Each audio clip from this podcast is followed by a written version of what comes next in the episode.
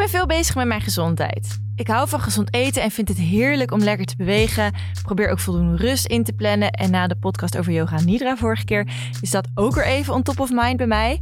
Maar iets wat me nog wel eens stoort omtrent gezondheid is de manier waarop we er in Nederland wel eens naar kijken. Onze westerse geneeskunde brengt heel veel goeds met zich mee, maar tegelijkertijd is het niet het antwoord op alles. En kunnen we zoveel leren van onze vrienden in het oosten. Daar zijn we misschien een beetje van vervreemd geraakt, van die kracht van de natuur. Maar ik denk dat juist daar heel veel antwoorden liggen. En ik hoop dat we in deze podcast een paar van die antwoorden naar boven gaan halen. Mijn naam is Lisanne, naast mij zit Rosa en je luistert naar Bedrock Talks.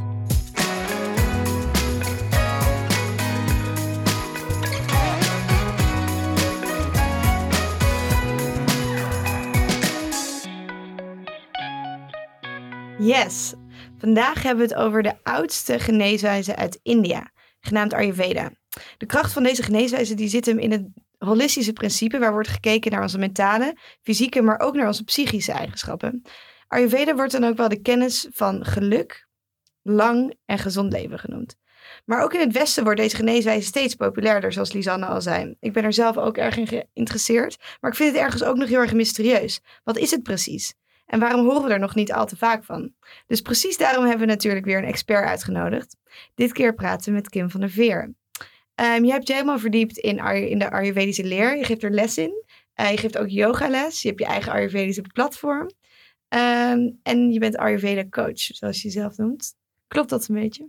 Ja, dat klopt. Ik vind het ook heel leuk eigenlijk hoe ik jouw Ayurveda hoor omschrijven. Dat zet mij al gelijk aan denken, oh nou, Rosa heeft haar huiswerk gedaan. Het is niet van, oh, Ayurveda betekent de wijsheid van het leven. Maar Goede introductie. Is dat wat je vaak hoort, de wijsheid van het leven? Ja, het is, dat is hoe het vertaald wordt. Hè? Dus uh, Arjer betekent uh, leven en Veda wijsheid. Dus als je dat vrij vertaalt, is het de wijsheid van het leven. Maar dat zegt eigenlijk helemaal niks. maar door jouw introductie is het wel gelijk wat duidelijker wat het is. En ik denk dat het heel goed is om te weten dat het er vooral om gaat dat je jezelf leert kennen. En dat je er daarmee dus mee kan voorkomen dat je ziek wordt. Dus het is meer echt een preventief healthcare system. Wat daardoor eigenlijk een soort van manier van leven is. Waarbij je dus heel erg kijkt van welke tools werken voor mij. En dat is niet voor iedereen hetzelfde. Nee, dat is de vandaar ook de holistische aanpak natuurlijk. Terwijl hier in het Westen eigenlijk ook, hè, wat Lies net ook al zei, wordt heel erg gekeken naar het oplappen van als je al ziek bent. Ja, uh, en iets, wat ook iets heel handig kan zijn, maar dat is natuurlijk wel een heel ander verhaal. Ja, en niet aanpakken bij de oorzaak. Nee. Vaak. Maar en hoe komt het dan dat jij hier zo uh, in bent gerold? Nou, dat is uh, een heel lang verhaal kort. ik heb uh, te maken gehad met een auto-immuunziekte en een burn-out. En ja, kon er eigenlijk gewoon niet meer omheen. Dus ik had een auto-immuunziekte waarvan echt gezegd werd... Kim, je gaat eindigen in een rolstoel. Hier is dus ook met medicijnen op mijn 25ste toen kreeg ik op mijn 27ste te horen: je uh, gaat waarschijnlijk ook, ja, het gaat je waarschijnlijk niet meer lukken om een kindje te krijgen, omdat op dit moment je hele lichaam ontstoken is.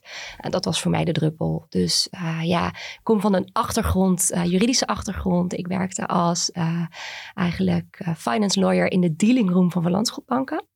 Dus je kan wel zeggen dat ik mijn feiten nodig had om iets te geloven. En ja, dat grootste feit ben ik zelf. Want ik ben eigenlijk helemaal, ja, tussen aanhalingstekens genezen, zoals ze het zeggen. En de artsen zeggen dat ik geluk heb.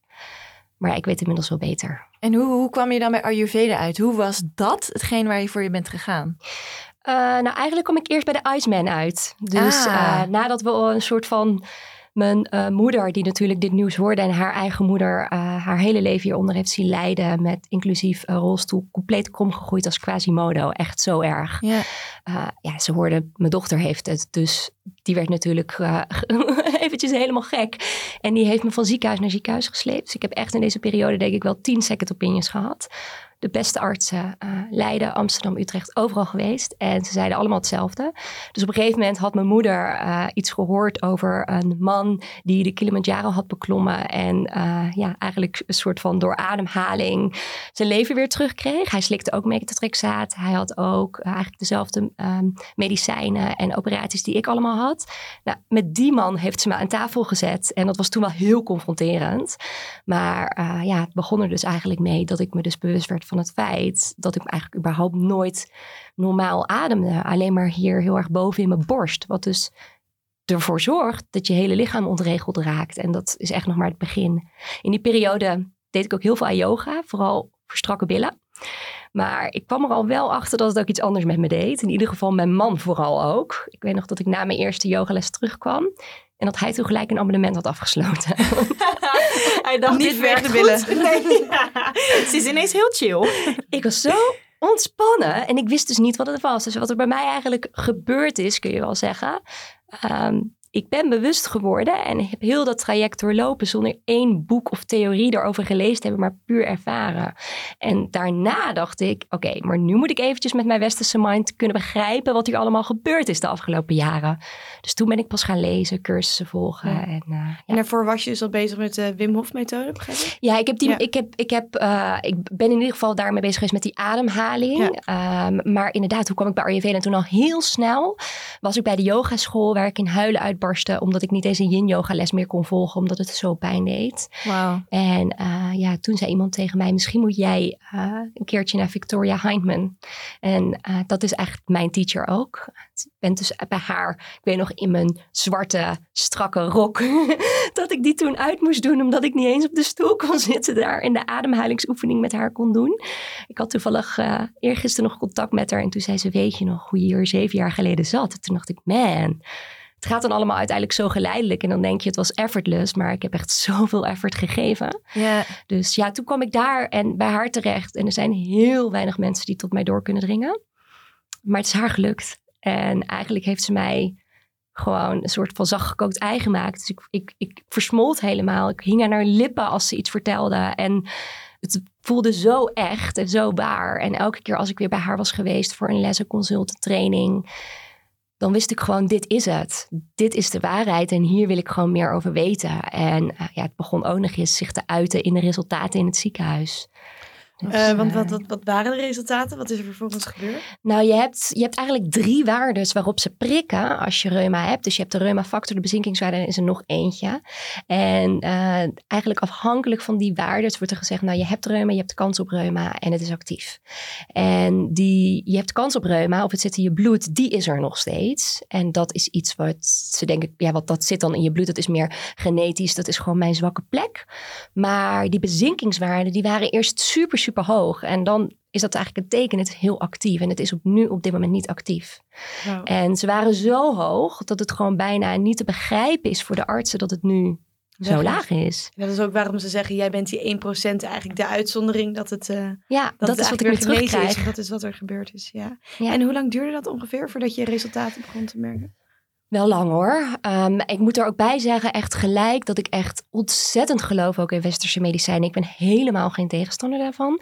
Ik was zo ontzettend blij dat ik in die periode, toen ik eh, zo pijn had, want je moet je echt voorstellen, ik lag in bed en ik kon gewoon mijn bed niet uitkomen. Ik had daar gewoon een half uur, sorry, voor nodig. En ehm, het was ook nog eens zo dat ik dan uiteindelijk op kantoor zat en de hele dag pijn had. Dus toen ze mij pijnstillers gaven, die de ontstekingen wegnamen, was dat wel de beste verlichting die ik in die acute situatie kon hebben. Dus ik denk ook heel erg, westerse geneeskunde is fantastisch. Zeker als er spoed bij, eh, bij komt kijken. Maar om daarnaast dan te gaan werken met iets alternatiefs, wat er eigenlijk voor gaat zorgen dat dus die ziekte zich niet meer gaat uiten. Dat kan, als je het mij vraagt, gewoon hand in hand gaan. En dat is hoe ik het heb gedaan. Dus ik ben in eerste instantie eh, ja, echt wel gewoon die medicijnen blijven slikken. En dan ben ik gewoon steeds heel langzaam gaan afbouwen en gaan kijken, oké, aan welke knoppen kan ik allemaal draaien? En ja, als ik nu gewoon kijk naar mijn leven nu en hoe het was, is dat gewoon compleet anders. En dat is uiteindelijk het grootste medicijn geweest. En je hebt een kindje. Precies. Ja. Kijk, dat is wel het mooiste voorbeeld misschien. Ja, want Ja. daarvan werd ook gezegd eh, op een gegeven moment, eh, Kim, laten we eicellen in gaan vriezen. Want met deze waarden in jouw lichaam en zoveel ontstekingen. Ik had echt een ontstoken, eh, al, het, al het bindweefsel dus ook over mijn hart. Mijn longcapaciteit was minder. Het was echt vrij heftig. Hoe Ja. lang geleden is het? Ehm, nou, ik was 25 toen het ontdekt werd. Ik denk dat het op zijn piek heeft gehad op mijn 7, 28ste. En toen uiteindelijk eh, ook een hele dikke burn-out gehad. En daar heeft echt het omslagpunt gezeten. Ja. Ja. Die En hoe laatste- oud ben je nu? Ik ben nu 33. 33. Ja, en ehm, toen ik 38 weken zwanger was van Mickey, toen kwam ik eh, in het ziekenhuis voor mijn check-up. Want ik ging dus altijd nog wel. Ook vooral om mijn moeder gerust te stellen. Maar eh, toen zei mijn arts nadat ze me helemaal onderzocht had. Kim, wil je nog praten over het fertiliteitstraject? En toen dacht ik, wacht even, rewind. Ik heb dit denk ik niet gehoord. Ik had, ik moet heel eerlijk zeggen, ik was een van die vrouwen die gewoon niet zo'n hele zichtbare zwangerschap had. Maar bij 38 weken, ik bedoel, tien dagen later was Mickey er. Zag je het wel echt? En toen dacht ik, hmm, ik denk niet dat ik hier nog een keertje terug ga. En eh, ik zei ook tegen haar, ik zei, maar ik ben zwanger. Oh, oh, gelijk aantekeningen maken in haar notities. Mevrouw is zwanger. En toen ben ik teruggelopen naar de Bali en eh, nooit meer terug geweest. Super mooi, super goed. Ja, dus dat is nu, Mickey is nu 2,5. Dus laten we zeggen ongeveer 2,5 jaar geleden dat ik echt niet meer naar het ziekenhuis ga. En dat het gewoon heel goed gaat met mijn gezondheid. Ja, te gek. We hebben een mini-quiz. Ehm, dat is een beetje een eh, vast prikkie in ons concept. Ehm, ik ga je een aantal vragen stellen, kort. Eh, daar mag je zo snel mogelijk antwoord op geven. Dus gewoon puur op intuïtie. Ehm, en dan gaan we ze daarna even verder. eh, mag je uitleggen waarom je die antwoord hebt gegeven? Oké, de eerste is: als je nog maar één element uit Ayurveda mocht toepassen, wat zou je kiezen? Man. Deze is echt heel goed. nou, dan toch ehm, Gewoon op gevoel. niet eten als je geen honger hebt. Oké. Ehm, ja, niet eten als je geen honger hebt. Als je één ding uit Ayurveda moest laten vallen, wat zou dat dan zijn? Lijstjes met wat je wel en niet mag eten. En wat is de grootste misvatting in de westerse geneeskunde? Dat er te veel wordt ingezoomd op de symptomen en niet gekeken wordt naar eh, de, eigenlijk de verhouding, wat jij net ook zo mooi zei. We noemen dat in Ayurveda die golden triangle. Dus eh, ja, body, soul en mind. Mooi. Even kijken, jij zei als je één element eh, uit Ayurveda mag toepassen, wat kies je dan? Dat is mooi. Ja, Ja, oh, je bedoelt die... ja, ja. het, ja. eh, ja het- waarom koos je daarvoor? ja, het ging in mijn hoofd het... Mijn hele ochtendroutine door. Oké, glaasje heet water. Oké, eerst dit. Oh, dat. Oh, yoga in de ochtend. Oh, mediteren. Oh, huh.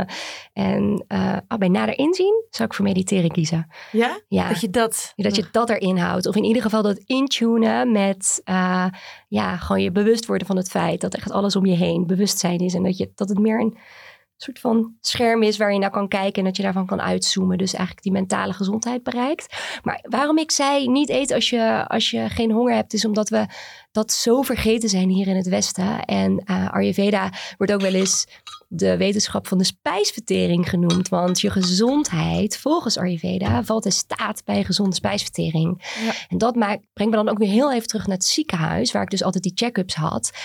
Wat me gewoon zo ontzettend eigenlijk verbaast nu met wat ik nu weet en hoe ik nu leef, is dat mij niet één keer is gevraagd in al die, nou misschien wel duizend afspraken die ik gehad heb en tijdens alle operaties en voorbereidingen daarop. Kim, wat eet je? Wat drink je? Heb je veel stress? Hoe ziet je dag eruit? Bizar toch eigenlijk? Ja. Echt alleen maar inzoomen op hoe kunnen we de pijn bestrijden in plaats van hoe kunnen we ervoor komen dat het erger wordt Ja. of nog vaker voorkomt. Of... En dat verbaast me zo, want artsen zijn onwijs slimme mensen. Dat kan niet anders. Ja. Anders ben je geen arts. Daar moet je super hard voor werken. Dus daar moet je super hard voor studeren. Dus analytisch gezien hebben ze gewoon een heel, heel groot stapje voor. En zoveel weten van het lichaam, maar niet erin meegaan dat je wordt opgebouwd van alles wat je eet en doet. Dat verbaast me gewoon onwijs. Ja, Dus het eh, ja. misschien ook gewoon natuurlijk een soort, ja, hoe zeg je dat? Een stap die we moeten maken gewoon in het systeem natuurlijk. ja. Want volgens mij als je nu geneeskunde studeert, krijg je drie uur of zo, drie, drie uurtjes voeding. Ja, Ja, Ja. het is echt heel minimaal. Dus in die zin is het natuurlijk gewoon ja, een hele andere aanpak inderdaad. Maar even eh, om terug te gaan, als je zegt, dus ik mag er wel één element wel uitpikken. Dat is een, een, een ochtendritueel, is heel belangrijk, zeg je bij Ayurveda. ja. En daaruit zou je dan het liefst altijd willen blijven mediteren. Ja, omdat dat wel echt, ehm, dat brengt je gewoon zoveel. Je hebt gewoon geen idee hoeveel het kan opleveren als je elke ochtend, wat ik nu dus doe, het was eerst heel anders, want ik ben dus nu moeder. Voorheen stond ik om half zes op, zat ik op de fiets door weer en wind met mijn paraplu op, fietste ik een half uur naar de Shala om daar mijn practice te doen van twee uur lang. Dat gaat niet meer nu. Maar wat ik nu doe is wakker worden. Zodra mijn wekker gaat, ik ga recht overeind zitten. Ik zet mijn alarm op 10 minuten. En ik focus me puur en alleen op eigenlijk ja, de natuurlijke staat van mijn mind. Om echt te voelen en te weten, ik kan elk moment hier naar terug. En als ik hier ben, is alles goed. En dat, dat oefenen op een dagelijkse basis geeft je gewoon echt de tool in handen om uit te zoomen bij alles wat gebeurt in het leven. Een rotdag op werk, een baas die boos op je wordt, iemand die voorkruipt in de supermarkt. Om je daarvan te distancieren. En dan wordt je leven gewoon echt veel leuker. En dat doe je s ochtends, tien minuutjes? Ja. Ja, toevallig had ik nu ehm, op Instagram ook gepost van wie, wie gaat er met me meedoen? Weet je, gewoon 10 minuten dit aanzetten. En ik kreeg echt gewoon 300 mensen yes. Ik ga dit meedoen. En uh, ik hoop dus over een week van heel veel mensen te horen van oké, dit heeft echt zin. Ja. En ja, het zijn misschien de enige 10 minuten op een hele dag die je voor jezelf kan pakken. Waarin je echt even niet hoeft te denken aan wat er allemaal gaat komen. En waarom is het zo uh, belangrijk om s ochtends te mediteren?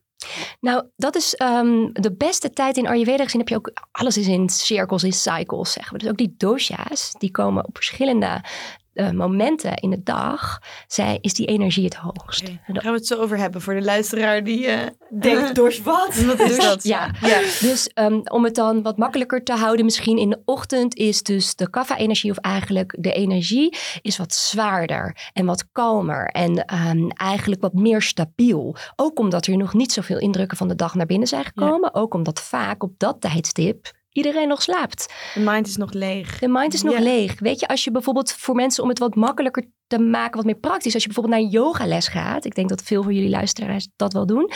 Uh, als je een ochtendles hebt en je gaat daar in een tripo staan. Of in ieder geval een houding waarbij je probeert te balanceren. Gaat dat vaak veel makkelijker dan aan het einde van de dag.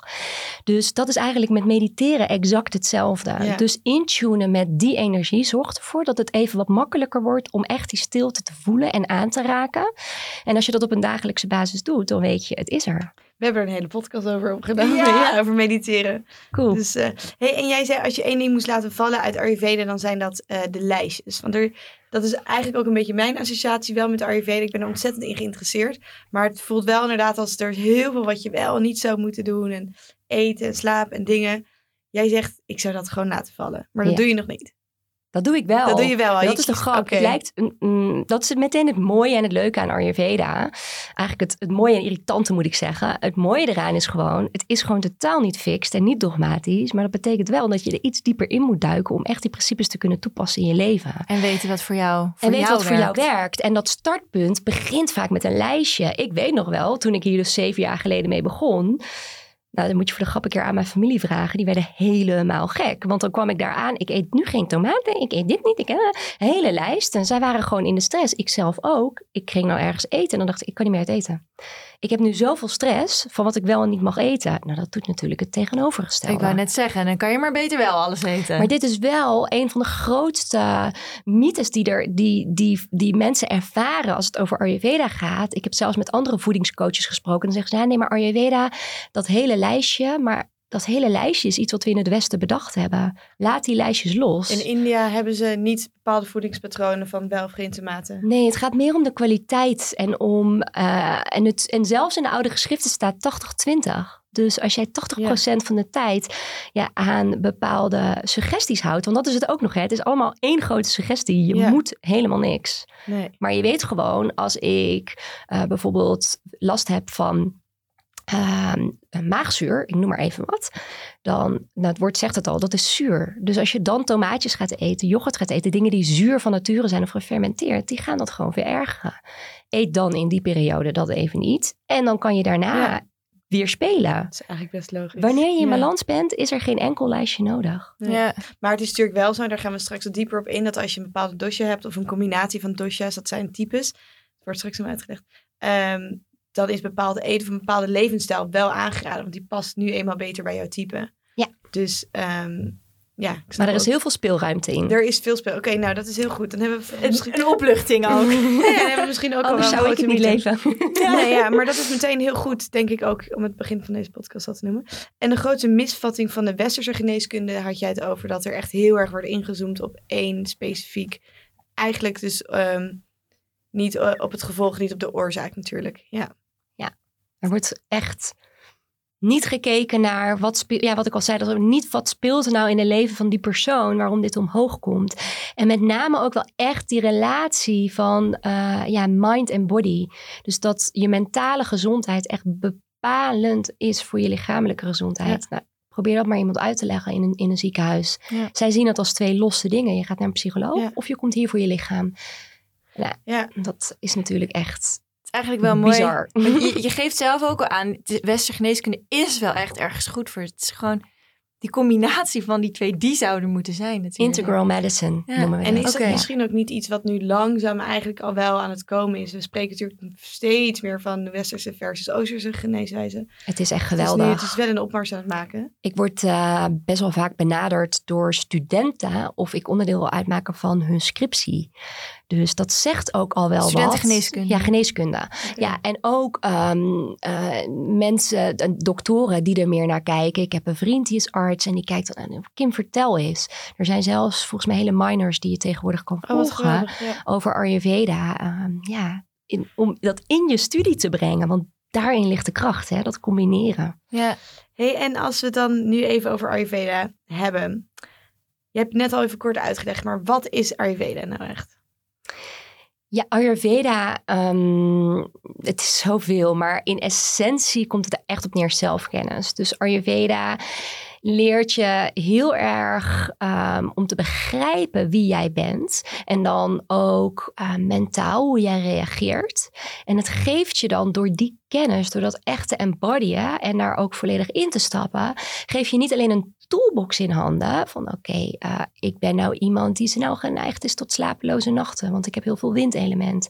Voor mij is het heel erg fijn om onder een zware deken te slapen, mijn voetjes in te oliën en op tijd naar bed te gaan. Dat gaat mij helpen hierbij. Maar ook om te begrijpen waar ligt mijn kracht, want uiteindelijk word je zo ontzettend authentiek hiervan. En dat is waar het allemaal om draait. Iedereen is zo uniek. En als jij in jouw eigen authentieke kracht kan stappen. Om het iets persoonlijker te maken voor mij bijvoorbeeld. Ik heb echt ontzettend veel ambitie. Ik heb heel veel vuur.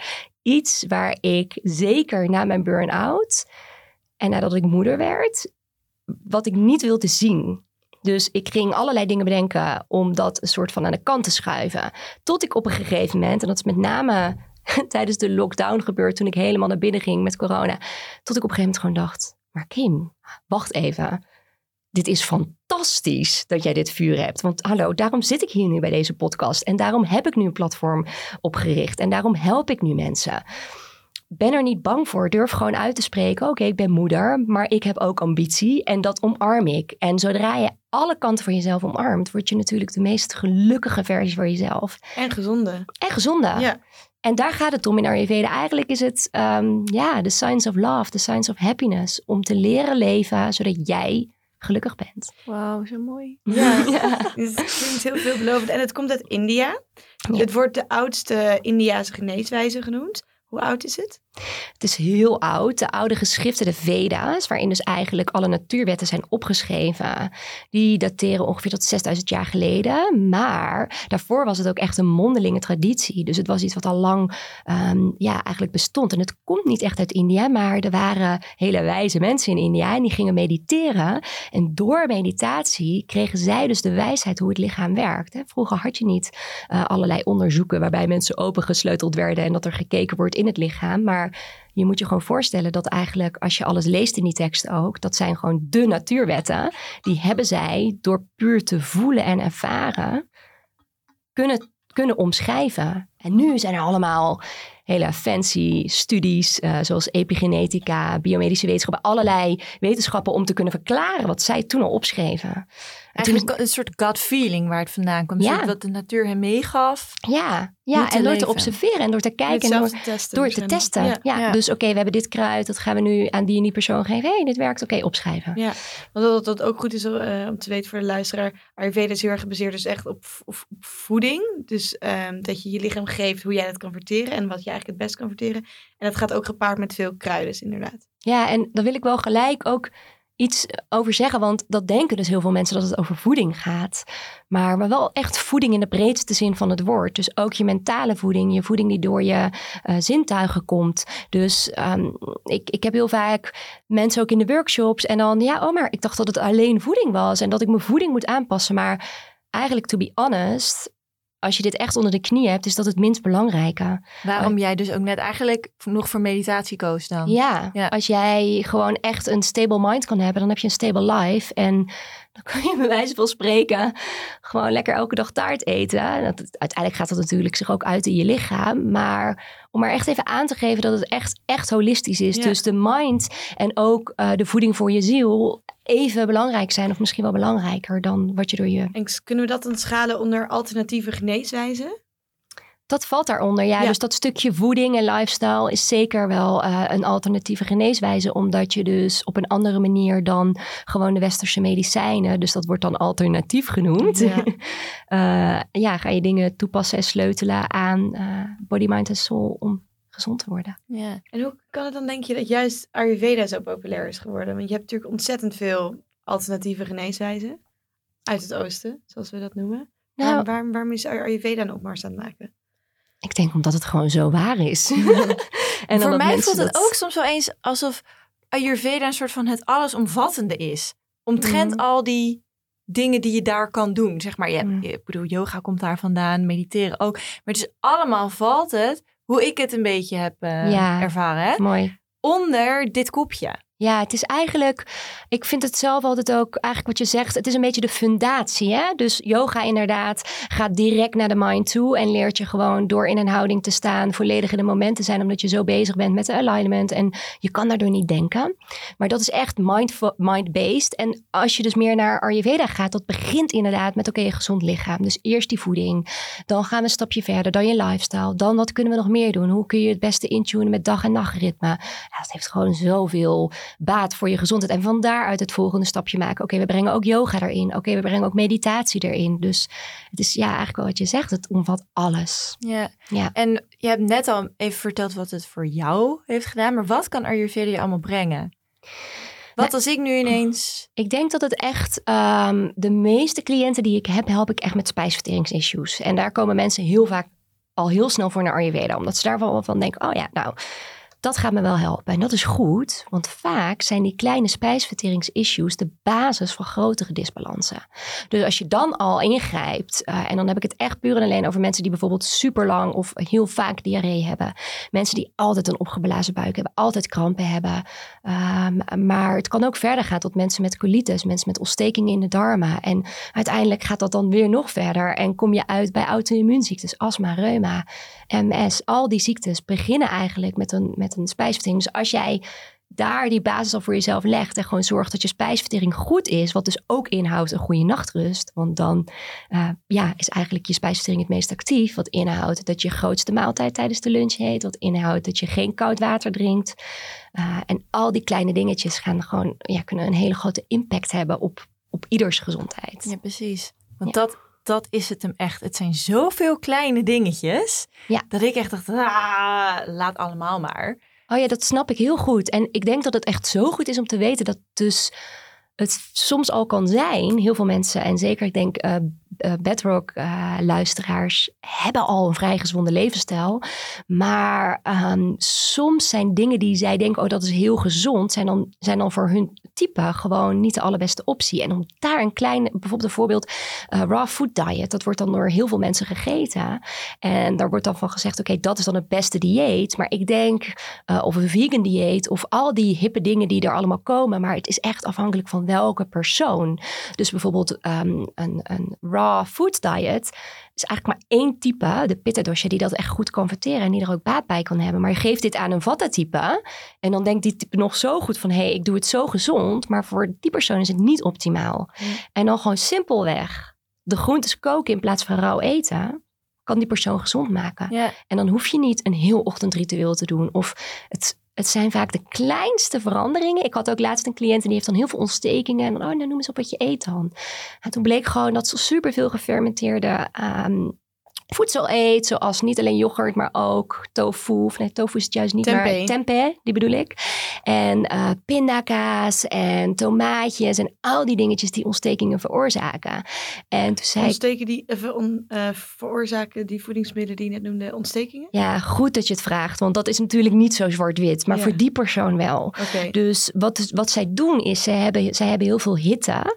Er zit heel veel vuur en zuur, en zuur is ook hitte, in uh, die voedingsmiddelen. En als iemand met al veel vuur van nature dat gaat eten, dan kan dat tot naar ons, ja, zorgen voor ontstekingen. Toen zei die persoon van ja, maar uh, oké, maar dit eet ik elke dag. Uh, wat moet ik nu? Ik zei, nou, we gaan het gewoon vervangen. Het wordt witte, witte amandelpasta. Je gaat worteltjes eten in plaats van tomaat. Nou, allemaal gedaan. Alles is weg. Wauw, bijzonder. Nou, het doet me ook wel, want ik um, heb wel eens, ik weet dat jij, Roos, jij doet heel vaak intermittent vasten. Ik weet niet hoe je er nu voor staat. Nou, nu weer even laag Nu even niet. Nou, dan hoor je dat een beetje om je heen. Toen dacht ik, nou, weet je wat, ga ik ook eens proberen. Maar ik kon het gewoon niet echt. Ik hield er niet echt uit. En nu was ik me dus weer een beetje aan het verdiepen in mijn dosha. Um, waaruit dus blijkt, dat past ook helemaal niet bij mij. toen dacht ik, ja, dan zit daar dus wel wat in. Dat voor mij, voor mijn dosha, is het dus helemaal niet per se goed om dus niet te ontbijten, bijvoorbeeld. Ja, vatten. vatten. Ja, ja, dat dacht ik al wel. Precies. Um, Nee, precies. Dat is het. Ja. Het is helemaal niet handig, want voor een vata is het ontbijt. En dan het liefst een warm gekookt ontbijtje met een beetje ghee erin. Dat het echt super, super voedend en aardend is. Zet de toon voor de rest van, uh, van je dag. Ja, en was voor mij heel erg Terwijl een kaffa, dus iemand die wat meer aarde en uh, water heeft... Oh, die heeft zoveel baat bij niet ontbijten. Daar is intermittent fasting echt de tool voor. Ja. Nou Roos, zet je wel goed. Jij bent kaffa toch? Ja, ik ben een combinatie, ja. Ja, ja, ja, want het grappige was, ik was dus laatst ook, ik liep gewoon door mijn straat en ik was een appel aan het eten. En ik heb dus wel vaker last van mijn buik en mijn maag en gekke dingen altijd. En ik kreeg ineens echt zo'n pijn gewoon in mijn maag. Toen dacht ik, nou, heb ik weer wat verkeerd gegeten? Want ik heb ook wat allergieën. Toen dacht ik, nou, dit kan een appel. Ja. Een appel is gezond. dus toen ben ik gaan googlen en toen kwam ik er dus inderdaad op uit dat mijn Ayurvedische type dus helemaal niet uh, rauwe fruit heel goed kan handelen. Ik had er best wel lang niks gegeten toen. Ja. Toen dacht ik, ja, Weet je, het is ook gewoon natuurlijk ontzettend belangrijk om uh, erachter te komen wat jouw lichaam nodig heeft en kan verdragen. Maar daarachter komen lijkt me best wel een zoektocht. Dat is een zoektocht. ja, Dus de een heeft dan misschien jou als coach, de ander gaat misschien zelf een lang traject in. Ja. Um, en het is ook gewoon een beetje zelf aan knoppen draaien. Precies. Het begint met interesse. En ik vind het wel leuk om heel even nog uh, iets meer in te zoomen op het rauwe fruit. Omdat ik daar zo vaak vragen over krijg. En um, eigenlijk zegt Ayurveda van oké, bepaalde voedingsmiddelen mixen. Zorgen ervoor dat je spijsvertering eigenlijk een oplawaai krijgt. En als je spijsvertering niet goed verloopt, again, dan kun je dus onbalansen krijgen. En dat kan uitgroeien tot grotere ja, issues. Dus um, om dat te voorkomen wordt er aangeraden in Ayurveda Mix geen rauw fruit met andere voedingsmiddelen. Um, want dus bijvoorbeeld denk aan uh, mensen die eten vaak in de ochtend uh, yoghurt met vruchtjes en granola. Dan denken zij, dit is echt een supergoed ontbijt. Maar dat fruit gaat dan eigenlijk als het ware fermenteren, omdat de yoghurt veel zwaarder is en een ander verteringsproces heeft dan het rauwe fruit. En dat kan ervoor zorgen dat er onverteerd voedsel ontstaat. Dat noemen we ama in Ayurveda, wat zich dan weer kan transformeren in gifstoffen en ziektes. Dus daarom wordt er heel vaak aangeraden, eet uh, fruit alleen gekookt. Als je dus Lisanne een vata-type bent, is het al helemaal belangrijk om fruit altijd in een gekookte vorm of zoveel mogelijk gekookt. En dan bedoel ik, kan het dus ook in de oven zijn of stoma. Te eten, omdat dat voor jou echt gaat bijdragen aan je spijsvertering. Omdat je anders een uh, opgeblazen gevoel kan krijgen. Of uh, andere kwaaltjes, zoals een beetje winderigheid. Terwijl dat bijvoorbeeld meer het pita-type, dus weer dat vuurtype, die kan dan een rauw appeltje gewoon als tussendoortje wel makkelijker aan. Ja. Maar als die appel zuur is, weer niet. Dus dat zijn al die kleine. Ik weet nog heel goed dat. Maar dit zijn dus wel die lijstjes misschien dan of zo. Nee, dit is echt ervaren. Ik weet nog dat ik met uh, mijn man heeft heel veel vuur.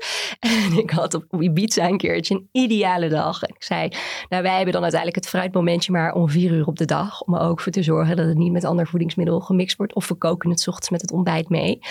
Maar dus heel vaak om vier uur ga ik dan een juice maken. Of uh, ga ik fruitvols maken. We waren op het strand, ik had appels gevonden.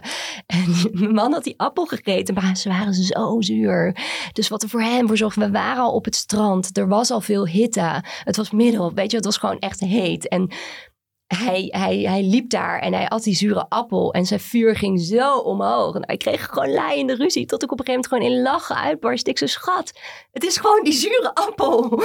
dus, Letterlijk en figuurlijk. je bent nu zo boos op mij. Wat? Nee, je bent nu zo Wat? Nee, wacht even. Even ademhalen. Het is echt die appel. Dit ben jij niet. En dat besef hebben is ook gewoon in onze relatie fantastisch natuurlijk. Je gooit elke keer op de appel als je boos wordt. Ja. Zoiets van yoghurt gegeten. Maar, nee, maar serieus is, hij is dus zo slim, want pita's zijn slim. Dus nu doet hij dat dus ook elke keer. Sorry schat. Appel gegeten. Maar again, dat zorgt voor dat kleine beetje humor en, uh, en het weer relaxed worden. En ik wou is- zeggen wat je ook nodig hebt om die stress en het allemaal even uit je lijf te Ja. ja, relativeren dan eigenlijk. Ja. precies. Want er zijn wel voedingsmiddelen waar we volgens de Ayurveda meer van zouden moeten gaan eten en wat we misschien hier niet zoveel doen. Ja, waar het om gaat in Ayurveda is denk ik, en dat is een super groot verschil met hoe we in het Westen naar diëten kijken. Omdat dat komt natuurlijk ook wel echt door het beeld. Hè? We moeten allemaal slank zijn en daar gaat het allemaal om. Terwijl er zijn verschillende bodytypes. Iedereen is anders en iedereen is mooi zoals die is. Maar dat echt en daarin stappen, dat was ook een beetje waar ik het straks over had, over in die authenticiteit durven te stappen. En gewoon te denken, hé, hey, ik ben die persoon met brede heupen. Ik bijvoorbeeld, ik heb ook heel veel kaffa. Om daar dan, om daar gewoon helemaal, yes, gewoon te denken, hé, hey, ik ga er gewoon voortaan mee, mee swingen gewoon. Het is gewoon fantastisch dat ik dit heb. Waarom zou ik in godsnaam mezelf uithongeren om, om een ander beeld te krijgen van hoe ik in eh, werkelijkheid ben? En de, waar ik eigenlijk naartoe wil, is dat wat een beetje vergeten wordt. Je hebt in Ayurveda zes smaken. En de belangrijkste smaak, de meest opbouwende smaak, de meest voedende smaak, wordt de smaak Madura. Wat eigenlijk de neutrale zoete smaak is. Dus eh, bijvoorbeeld vrouwen met fertiliteitsissues. Dat kan heel vaak zijn dat je dat, dat Madura, dus de rasa, dat je dat echt mist. En door dan bijvoorbeeld een klein beetje maple syrup in je thee te doen. En er dus wel gewoon voor te zorgen dat je genoeg juices krijgt en genoeg ja, zoetheid inbrengt op alle vlakken in je leven. Kunnen er gewoon echt weer voor zorgen dat je gewoon sterk en gezond wordt. In plaats van dat we alleen maar bezig zijn met afvallen. En eh, ja, dat is echt iets waar heel vaak vragen mensen mij ook van... Oh Kim, hoe kan ik afvallen met Ayurveda? En dan zeg ik, nou dat kan niet. Maar je kan wel beter in je eigen lichaam terechtkomen. Gezonder worden. Ja. En ehm, je hebt het over zes smaken. Zijn dat smaken die wij ook kennen of die worden anders omschreven? Nee, dit zijn smaken. Nou ja, er is één smaak waarvan ik denk, waarvan bij mij in ieder geval het echt ging duizelen toen ik het voor het eerst hoorde. Maar de smaken zijn eh, zoet. Dus dat is die Madura, die eh, ne- neutrale zoetsmaak. Dus ik bedoel echt niet Haribo snoep of zo. Maar ook in koolhydraten. Dus die koolhydraten worden in Ayurveda als iets heel belangrijks gezien. Bijvoorbeeld Rijst, havermout. Ja. En eh, alle andere. Quinoa, alle, alle granen die gewoon die zoete smaak hebben. En daarvan wordt gezegd, eigenlijk moet je bord voor 70% ongeveer uit dat bestaan. Om je lichaam op de beste manier op te bouwen. Maar goede kwaliteit. Ja. En eh ghee bijvoorbeeld valt daar ook onder. Dus dat is geklaarde boter voor de luisteraars. En dan is de tweede smaak is ehm, zuur. En de derde smaak is zout. En die drie smaken bij elkaar zijn de opbouwende smaken. Dus het grootste gedeelte van je maaltijd bestaat daaruit. En dan heb je nog eigenlijk de drie, eh, ja, eigenlijk de, de drie catabolic tastes. Dus eigenlijk degene die eh, meer afbouwen. Je hebt in Ayurveda eigenlijk alles is duaal. Dus je hebt het principe van Brahmana, eh groeien en voeden. En je hebt het principe van Langana, zo wordt het in Ayurveda genoemd. En dat is dus eigenlijk afbreken en cleansen. En ehm, die andere drie smaken zijn bitter. Dus dat is een reinigende smaak. Dus dat weet je ook eigenlijk vaak wel als je bijvoorbeeld een eh, juice cleanse of zo gaat doen. Dat werkt gewoon supergoed als je bittere eh, groentes, groene groentes gebruikt. Eh, denk bijvoorbeeld aan witlof of zo. En dan ehm, heb je nog de, even kijken, wrange smaak. Wat ik net al zei van oké, dat is waarschijnlijk waarvan je denkt, wat is dat? Dus dat is eh, stringent in Engels. En dat is eigenlijk die smaak bijvoorbeeld van een rauwe banaan. Dat het echt zo wrang Ja. in je mond. Of spinazie. Ja. En, ehm, en dan heb je nog de derde afbouwende smaak is pittig. Oh ja, natuurlijk. Ja, dat weet je ook wel. Als je gewoon heel veel pittig eten eet, dan eh, moet je wel echt naar de wc. En eh, op basis van deze smaken eigenlijk en op basis van jouw eh, type en natuurlijk nog naar ongetwijfeld heel veel an- andere dingen, ehm, kan je eigenlijk voor jou een zo goed mogelijk dieet en ja, een soort van levensstijl dus eigenlijk gaan samenstellen. Ja. Dus voor Lisanne zou dat weer iets anders zijn dan voor jou en Ja. dan voor mij. En er geldt wel, er wordt wel gezegd in Ayurveda, het liefst wil je maaltijd zo brengen dat eigenlijk alle smaken erin voorkomen. Dat zorgt er ook voor dat je daarna geen cravings Oké, krijgt. dus alle zes zou je idealiter eigenlijk in één in elke maaltijd, maaltijd. In elke maaltijd. Ja. Maar dat Ja. weet je, dat klinkt van wow. Ja. Maar het is eigenlijk gewoon, je maakt iets met koolhydraten, er zit iets van groente bij. eh, daar kan al vaak al de bittere smaken zitten. Je doet iets van zwarte peper erin. eh, je doet een klein beetje limoen eroverheen voor het zuurtje. Of soms maak je er een eh, yoghurtdipje of iets bij. Dus Ja. het, het is heel simpel eigenlijk. Eigenlijk als je gewoon, de grootste tip die ik echt voor je heb is, ga gewoon als je eet, gewoon kijken welke smaken heb ik nou op mijn bord liggen. Ja, dat Ja. doe ik ook nog steeds. Van oké, hoe proeft dit? Wat, wat, oh oké. nou, ja, dan ga je het leren. Dan kan je het toepassen. Ja. Um, wat ik me ook afvraag, uh, is er is hier en daar ook kritiek op Ayurveda, maar dat is natuurlijk eigenlijk vaak met alternatieve geneeswijzen, omdat ze alternatief zijn, dus niet zoals de mainstream. Um, is er ook al onderzoek gedaan naar uh, de Ayurvedische lifestyle? Natuurlijk. Gelukkig. Want we willen alles weten. En ook in mijn workshops is het heel handig als ik kan zeggen: Ja, er is onderzoek naar gedaan. Want dan is het eens: Oh, oké, ik geloof je, Kim. Maar uh, een van de grootste voorbeelden is nu de onderzoeken die ze aan het doen zijn aan de microbiome. Dus dat is eigenlijk uh, alle goede bacteriën, het omvat nog wel wat meer, die in je darmen en je spijsverteringskanaal zitten, die ervoor zorgen dat je spijsvertering goed verloopt. En dat principe van eigenlijk een soort levend organisme, wat ervoor zorgt dat eigenlijk je spijsvertering optimaal is en dat ondersteunen, dus die goede spijsvertering ondersteunen, dat noemen we in Ayurveda het optimaliseren van acne. Acne betekent vuur en die spijsverteringsenzymen, wat het dan in de westerse, als je zeg maar acne zou moeten vertalen, naar een westers begrip zou je zeggen spijsverteringsenzymen. En uh, ja, die worden natuurlijk ondersteund door die goede bacteriën. Dus er wordt nu eigenlijk heel veel onderzoek gedaan. En dan worden er, ik lees die onderzoeken dan wel eens. En dan wordt er eigenlijk precies, en denk ik, oh man, dit is echt precies Ayurveda. En wat Alleen, zeggen die onderzoeken? Ja, nou echt dat het om een darmflora gaat. En dat je die dus op een bepaalde manier moet ondersteunen. En dat die bacteriën ontzettend belangrijk zijn. En dat daar je, eigenlijk wordt er steeds meer gezegd wow, je gezondheid is echt afhankelijk van gezonde microbiomen. Ja, want waar ook steeds meer onderzoek naar wordt gedaan, geloof ik in de afgelopen twee jaar nu, is dat uh, je microbiome inderdaad en gewoon je hele darmflora, uh, dat dat gewoon ontzettend veel uh, connecties heeft met je hersenen. Dus je mm, mentale gesteldheid. En dat, is dus dat is exact waar Ayurveda om gaat. Hè? Dus je begint met die gezonde spijsvertering. Eerst in je lichaam, dan mentaal. Dan, en ja, alle spijsvertering in Ayurveda omvat veel meer dan alleen het broodje wat je smiddags eet. Het omvat ook de mensen die je ziet. Dus ook die mentale spijsvertering zit daar. Ja, dat is dus eigenlijk exact wat dan nu dus weer in dit onderzoek wordt gezegd. Van, oh ja, het is dat, is, meer. dat is echt een onderzoek naar Ayurveda? Of Soms meer de dingen die... Okay. Ja, er zijn echt uh, onderzoekinstituten die daar echt dingen uithalen... en daar echt specifiek onderzoek naar doen. Um, maar het kunnen ook gewoon andere artikelen zijn... waarin ik dan uh, ja, met Ayurveda mijn bril gewoon denk van... oh ja, nou, precies. Get it, man. Want het doet me nu ook weer heel erg denken... ja, waarschijnlijk ook aan de podcast met Anne de Mulmeester over, uh, zij is ortomoleculair arts. En daar ging het ook over inderdaad. Zij zei dat mensen zelfs konden afbouwen met hun antidepressiva doordat ze aan hun darmen werkten en aan hun gezondheid daar. En weten wat je wel en niet kan verteren. Ja, dat, is de basis. Ja. Nu is het ook zo dat, um, correct me if I'm wrong, met Ayurveda zijn er natuurlijk een aantal voedingsmiddelen die, uh, die je eet, zoals ghee. Je zei net geklaarde boter of ashwagandha is geloof ik iets wat vaker terugkomt. Um, is daar onderzoek naar gedaan?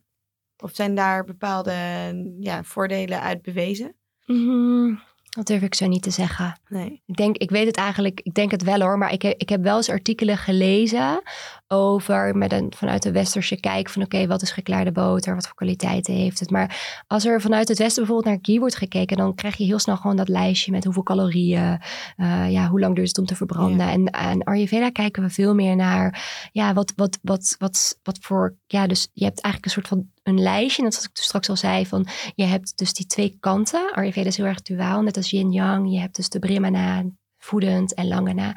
En zo heb je eigenlijk ook een lijstje met 20 eigenschappen. Dus het zijn 10 eigenschappen en de tegenovergestelde eigenschappen daarvan. En dat is echt het key principle van Ayurveda. Dus te gaan kijken welke kwaliteiten uh, zitten er bijvoorbeeld in ghee. Nou, ghee is bijvoorbeeld zwaar. Ghee is bijvoorbeeld zacht. Uh, ghee is voedend. En als je bijvoorbeeld dan een type hebt zoals een vata-type, die vaak wat lichter zijn, wat ongegrond zijn, dan is natuurlijk die kwaliteit inbrengen, zorgt ervoor dat je in balans komt. Dus het, het principe heet um, like increase is like or opposites balance. En daar kijk je naar in Ayurveda. Ja, en dat is natuurlijk, uh, neem ik aan, ook niet met wetenschap te verklaren. Mm, ja, dat zou misschien kunnen. Um, ja, ik, ik weet bijvoorbeeld van de epigenetica dat ze dit soort dingen wel um, nu in het onderzoeken zijn, maar dan niet echt vanuit de Ayurveda, maar gewoon dat ze wel echt meer kijken van oké, okay, uh, uh, bijvoorbeeld bepaalde ervaringen die, die dan spelen, dat die dan toch een soort van imprint achter kunnen laten bij iemand en daar dus ook voor kunnen zorgen dat, dat zo'n persoon anders gewired wordt. Hè. Heel belangrijk voorbeeld hiervan is tijdens de zwangerschap. Nou, Ayurveda wordt ook heel erg gezegd van, um, nou eigenlijk de, de moeder, de, um, hoe, de, hoe de moeder zich uh, voelt en hoe de moeder zich gedraagt tijdens de zwangerschap is bepalend voor de constitutie. Dus het type kindje dat je krijgt. En dat is echt zo. Maar dat zijn dan dingen die dan inderdaad, daar wordt dan onderzoek naar gedaan. En nu wordt er gezegd van, oh ja, als de moeder veel stress heeft of die en die dingen ervaart, dan gaat dat al in dat kindje zitten. Anne Verwaal doet hier ook hele mooie onderzoeken naar bijvoorbeeld. En dit is iets wat, waar ik me ook echt heel erg in verdiep. Maar Ayurveda zegt dit eigenlijk altijd al. Hè? Dus je constitutie wordt bepaald aan de hand van het zaadje en het eicelletje van jouw ouders. Dus daar zit natuurlijk een stukje ja, van je blueprint, DNA, hoe je het ook wil noemen, zit daarin. Maar uh, ja, wat jij dan doet tijdens de zwangerschap gaat daarin in mee. Hè? Om het een beetje een voorbeeld te geven. Ik heb dus uh, vooral veel vuur, aarde. Mijn man heeft heel veel vuur ook wel wat wind, maar onze dochter is één en al wind. En ik heb tijdens mijn zwangerschap tegen alle Ayurvedische adviezen in, zes van de negen maanden gereisd. En er wordt in de teksten staat echt niet reizen als je zwanger bent. Maar ik was zo enthousiast dat ik zwanger was. Dus ook om maar even aan te geven dat ik het ook allemaal niet perfect doe. Maar je ziet in mijn dochter, mijn, zij knalde eruit. Mijn bevalling was, ging zo snel. Het was gewoon boem, er was zoveel wind. En er is nog steeds zoveel wind. En waar ligt dat dan aan, denk je? Aan, dat jij mijn gedrag tijdens de zwangerschap. Ja. ja. Want welke elementen hebben we? Je hebt wind. Ja, dus het, uh, je hebt eigenlijk, het begint allemaal met het uh, uh, space, dus de ruimte-element. Dan heb je het windelement. Dan heb je het vuurelement, water en aarde. En daaruit worden dus de verschillende types opgebouwd. Dus eigenlijk is, zijn de drie dosha's een soort van, ja, hoe zeg je dat? Een, een verkleining van de vijf elementen. Want het is hetzelfde, alleen elke dosha heeft twee elementen. En het kan dus ook zijn als jij een bepaald type hebt. Dus eigenlijk moet je toch beter naar de elementen kijken. Want je hebt bijvoorbeeld een pita, maar dan heb je een droge pita en een natte pita. Dus ik moet er gewoon altijd denken aan een pita broodje en nu al helemaal ja. tekst omschrijven.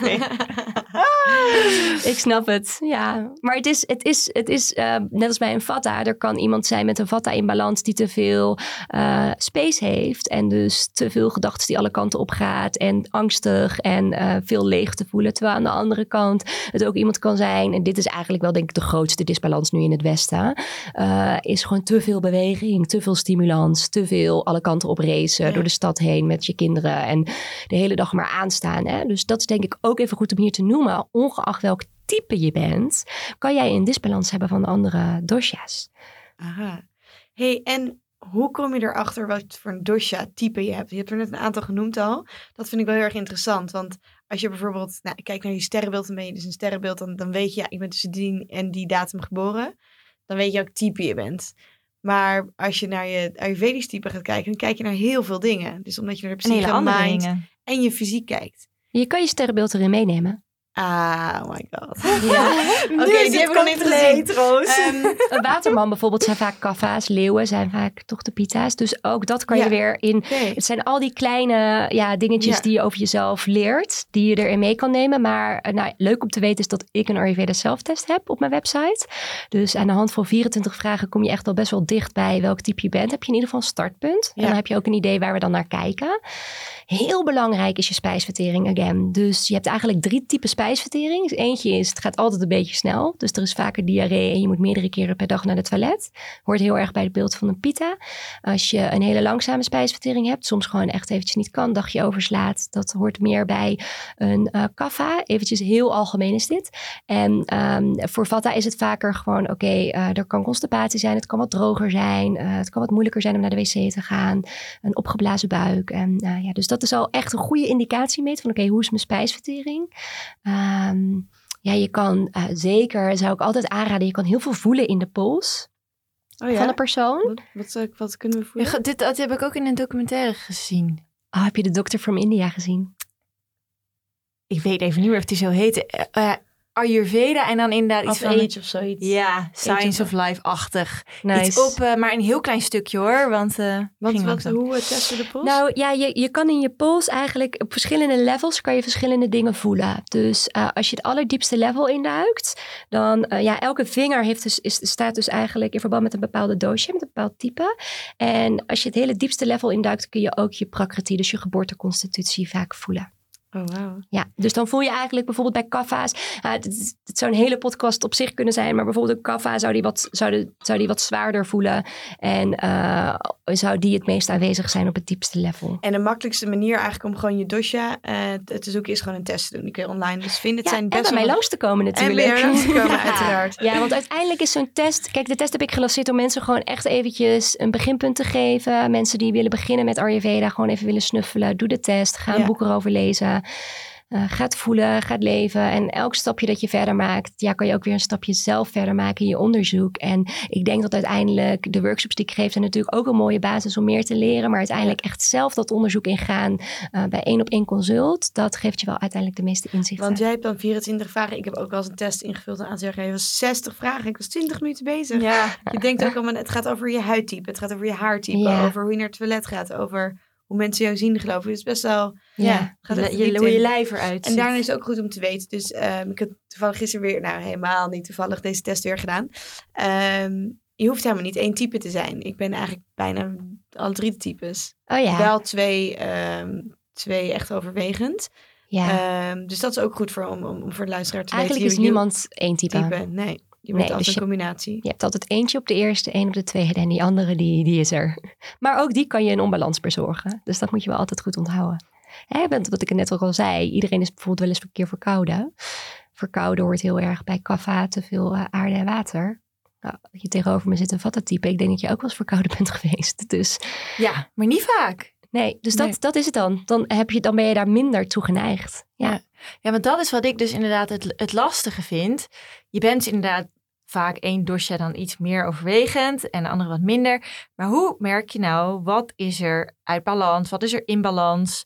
En hoe breng je dan dat specifieke weer terug? Ja, dat, dat gaat echt met jaren en oefenen en leren en belichamen en voelen. En ja. uh, dat kan dus in het begin het beste gewoon aan de hand met iemand die je meeneemt, een coach. En je zal heel snel merken op een gegeven moment, ik kan, kan dit nu gewoon zelf. zelf. Precies. Ja. ja. En hoe weet je nou eigenlijk dat je dit nodig hebt, de, um, de Ayurvedische levensstijl? Dus als je gaat leven volgens je dosha's, is dat um, ongetwijfeld altijd. Maar wanneer, wat, is nou echt een goed teken dat je denkt, oké, je, je bent uit balans, het is goed dat je nu volgens je dosha's gaat leven?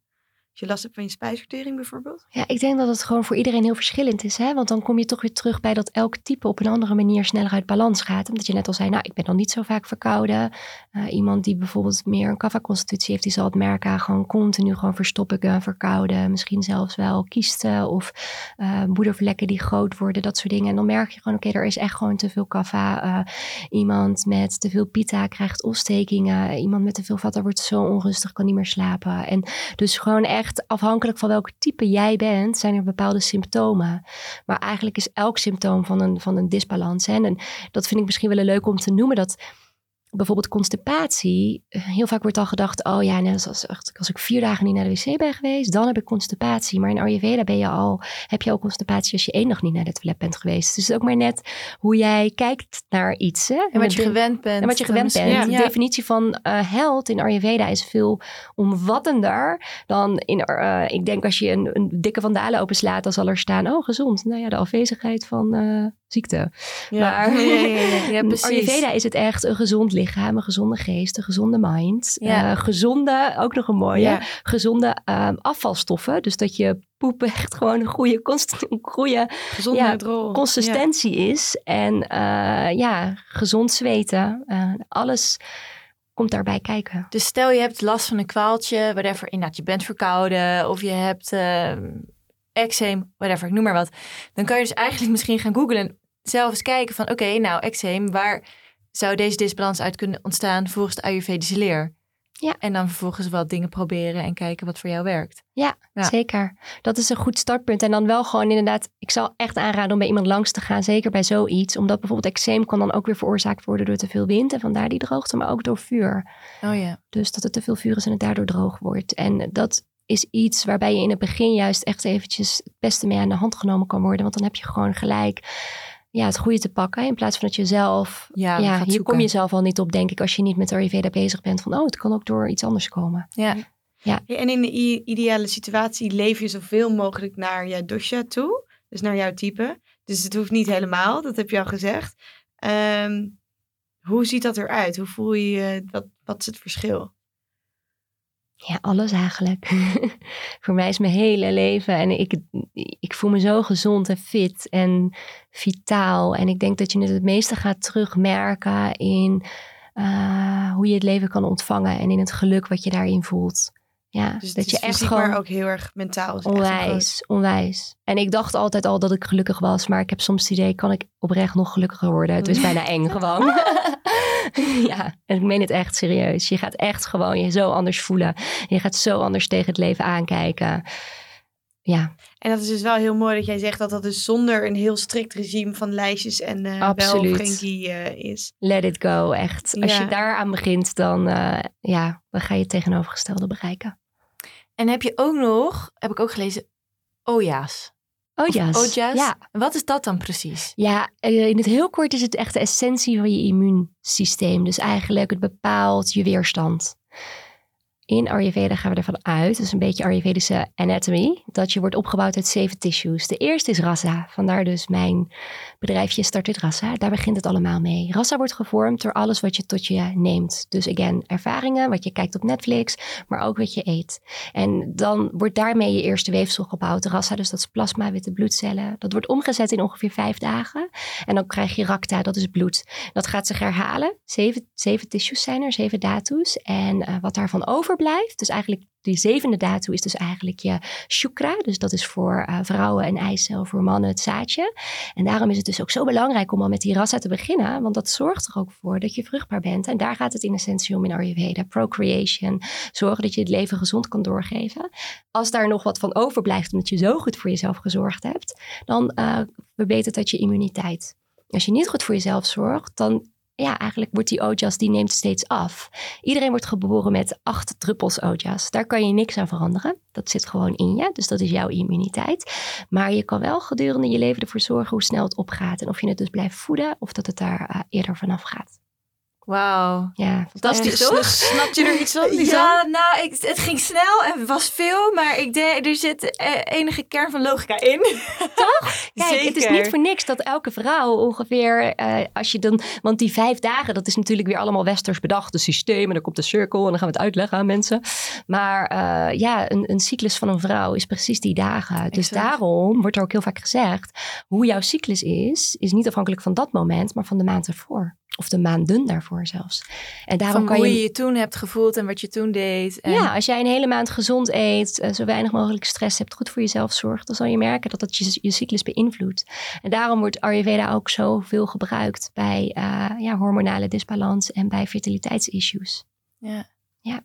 Het is wel grappig, want ik merk wel elke keer vaak dat er dan bijvoorbeeld nu ook weer, dan worden er dingen gezegd die we dan bijvoorbeeld in een andere podcast weer hebben, hebben besproken. En denk ik, alles valt toch wel weer op een manier. Gaaf hè? Ja. Het heeft eigenlijk, ook met de orthomoleculaire therapeuten, gewoon eigenlijk zeggen we hetzelfde, maar in andere woorden. Ja, in essentie gaat het overal een beetje uit van hetzelfde, hetzelfde iets. En stel, morgen ga ik dus uh, volledig uh, via Ayurveda leven. Afhankelijk van iedereen bij iedereen is waarschijnlijk net even wat anders, afhankelijk van wat je hoofddosha is. Hoe ziet mijn dag eruit? Nou, dit ga je dus niet doen. Oké. Want dat levert heel veel stress op. Dus uh, ook iets wat in Ayurveda wordt gezegd. Ga gewoon niet te extreem. Hè? Dat willen we hier in het Westen. Hoe vaak mensen mij wel niet hebben gevraagd. Kim, kunnen we een workshop doen dat ik gewoon bam bam over kan? Dat gaat natuurlijk niet werken, want dan ga je stoppen. Dus je doet dat heel geleidelijk, stap voor stap. En de eerste stap zou bijvoorbeeld kunnen zijn een tongschraper waar ik net al over had, die AMA, dus onverteerd voedsel, dat gaat zich eigenlijk aan het... Dat fruit, dus wat je misschien met je yoghurt hebt gegeten. Niet alleen fruit, maar alles. Eh, als, jij, uh, als je slaapt, dan wordt je eten verteerd. En alles wat niet verteerd kan worden, gaat zich dan verzamelen aan het einde van je spijsverteringskanaal. Dus achter, achter op je tong. En dat kan je eruit schapen. En dat is dus echt wel wat anders dan wat je op de achterkant van je tandenborstel vindt. Of dat kan je ook? Dan kun je bedoel je schrobben? Nee, niet schrobben. Want dan put je dus die AMA erin. Oké. Dus uh, oh. je wilt er echt afhalen elke ochtend. Want? Omdat als je gaat schrobben, dus die, die AMA moet je zo zien. Dat is, dus als, jij, eh, als je het eraf zou schrapen, dan is het echt een beetje een, ja, een, beetje een slimy substance die gewoon een beetje plakkerig is. Mm -hmm. En dat is eigenlijk de basis of de voedingsbodem voor gifstoffen en dus de voedingsbodem voor ziektes. Dus dat wil je niet in je tong schrobben, want dat doe je met Ehm, je bedoelt... Poetsen. Je wil het niet in je tong Nee, poetsen. Je wil het er echt uithalen. Ja, en heel veel mensen doen dit natuurlijk niet. Nee. Wat gebeurt er als je het niet doet? Ja, Wat nou, hebben we nu al jaren gedaan? Nou ja, nee, maar nou, oh, dit voel ik ook wel hoor. Want ik ben hier dus, eh, nou ja, ik weet niet wanneer, maar ongeveer zeven jaar geleden mee begonnen. En toen dacht ik wel echt, oh my god. Ik doe dit gewoon. Als je dit eenmaal hebt gedaan, dan, dan stop je er ook niet meer mee. Dat je gewoon daarmee rondliep al die tijd. Maar wat dan? Want het is natuurlijk... ehm, Het is een plakkerige substantie wat zich kan uit, ja, uiteindelijk weer terug. Als je het dus niet eruit haalt, dan ga je het weer mee, gaat het weer met je voeding en wat je drinkt mee naar binnen, je spijsverteringskanaal in. En dan kan het daar gewoon erg voor zorgen dat er onbalansen ontstaan. En dat het dus eigenlijk ja, de voeding is, de voeding voor, voor ziektes, om het zo maar te zeggen. Dus dat wij... Ik praat nu even voor iedereen die niet eh, Ja. fulltime soort van of heel veel bezig is met Ayurveda. ehm, die niet de hele tijd zeg maar hun, hun, of eigenlijk misschien nog wel nooit een tong hebben geschraapt. Die kunnen eigenlijk daardoor misschien ziek worden. Ja. Of misschien zijn we daardoor wel Zo simpel kan het dus zijn. Ja, je kan heel veel dingen voorkomen door dat eruit te halen. Hm. Ja. ja, dus ga het proberen, weet je. En kijk hoe je je voelt en of je inderdaad minder ziek wordt. Want ik ben dus, even afkloppen, maar echt nooit meer ziek. Ja, En eh, ja, ik was natuurlijk echt aan de lopende band ziek. ik vind het interessant. Ja, ik ook. Vooral die tongschaper inderdaad. Ja. Het, is, kan, ja, het is gewoon een tong proberen. Zoiets simpels. Dat je denkt, dat kan dus al zoveel Precies. effect hebben. Waarom En- maar je hebt leren dus- wij dit onze kinderen niet, weet nee, je? ja. Ja. En je hebt tandenborstels gewoon te koop in de drogist. En zit op de achterkant zit Ja. zo'n zo'n Ja. dingetje. Kan je dat gebruiken? Oh, als het echt een tandenborstel is met dus echt zo'n lusje eraan waarmee je het eraf schraapt, dan kan dat zeker. Maar wanneer het inderdaad die tandenborstels zijn die je dan omdraait om het vervolgens met, erin te poetsen met een soort van plastic borsteltje, die Ja, zijn er ook. Ja, die bedoelde ik Ja, inderdaad. nee, die wil je niet gebruiken. Want dan echt- haal je dus niet de AMA eruit, maar dan poets je het eigenlijk je tong in. Ja, precies. Dat wil je Andere niet. effect, dat Ja. willen we niet.